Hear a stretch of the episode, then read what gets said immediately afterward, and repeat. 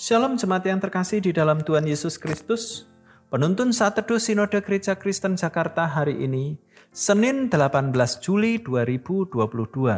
Pelayanan kasih 2 Korintus pasal 8 ayat 1 sampai 3.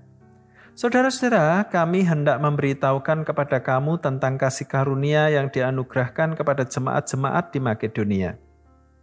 Selagi dicobai dengan berat dalam berbagai penderitaan, Sukacita mereka meluap dan meskipun mereka sangat miskin, namun mereka kaya dalam kemurahan. Aku bersaksi bahwa mereka telah memberikan menurut kemampuan mereka, bahkan melampaui kemampuan mereka.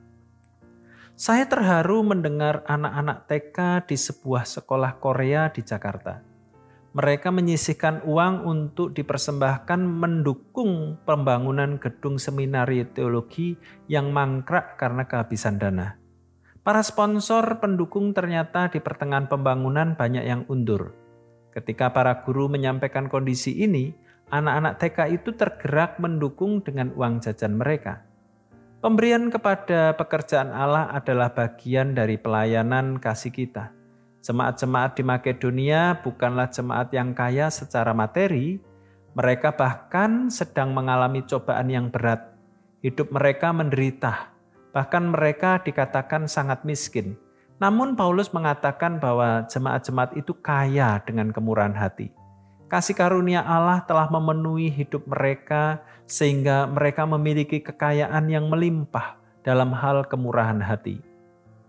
Mereka mendesak Paulus agar bisa ambil bagian di dalam pelayanan kepada orang-orang kudus.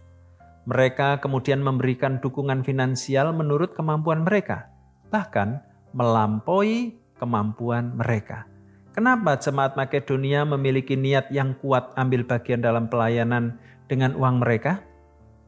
Karena Allah memberikan mereka hati yang mengasihi Allah, mengasihi pekerjaannya, dalam ayat 1 dituliskan kasih karunia yang dianugerahkan kepada jemaat-jemaat di Makedonia. Kasih karunia Allah mengubah paradigma mereka dari hidup yang berorientasi kepada diri sendiri kepada hidup yang berorientasi kepada Allah. Itu sebabnya Allah memberikan mereka kemampuan untuk berperan bagi pekerjaan Allah.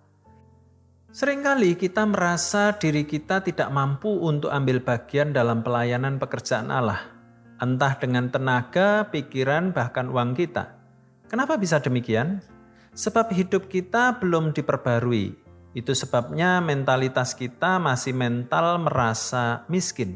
Padahal Allah mengaruniakan kita begitu banyak kekayaan yang dapat kita gunakan untuk melayani Dia. Mari kita berdoa agar Allah mengaruniakan kita hati yang mengasihi Dia dan pekerjaannya.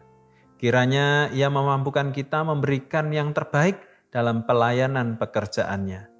Orang yang kaya dalam kasih karunia akan murah hati di dalam melayani. Selamat beraktivitas, Tuhan Yesus memberkati.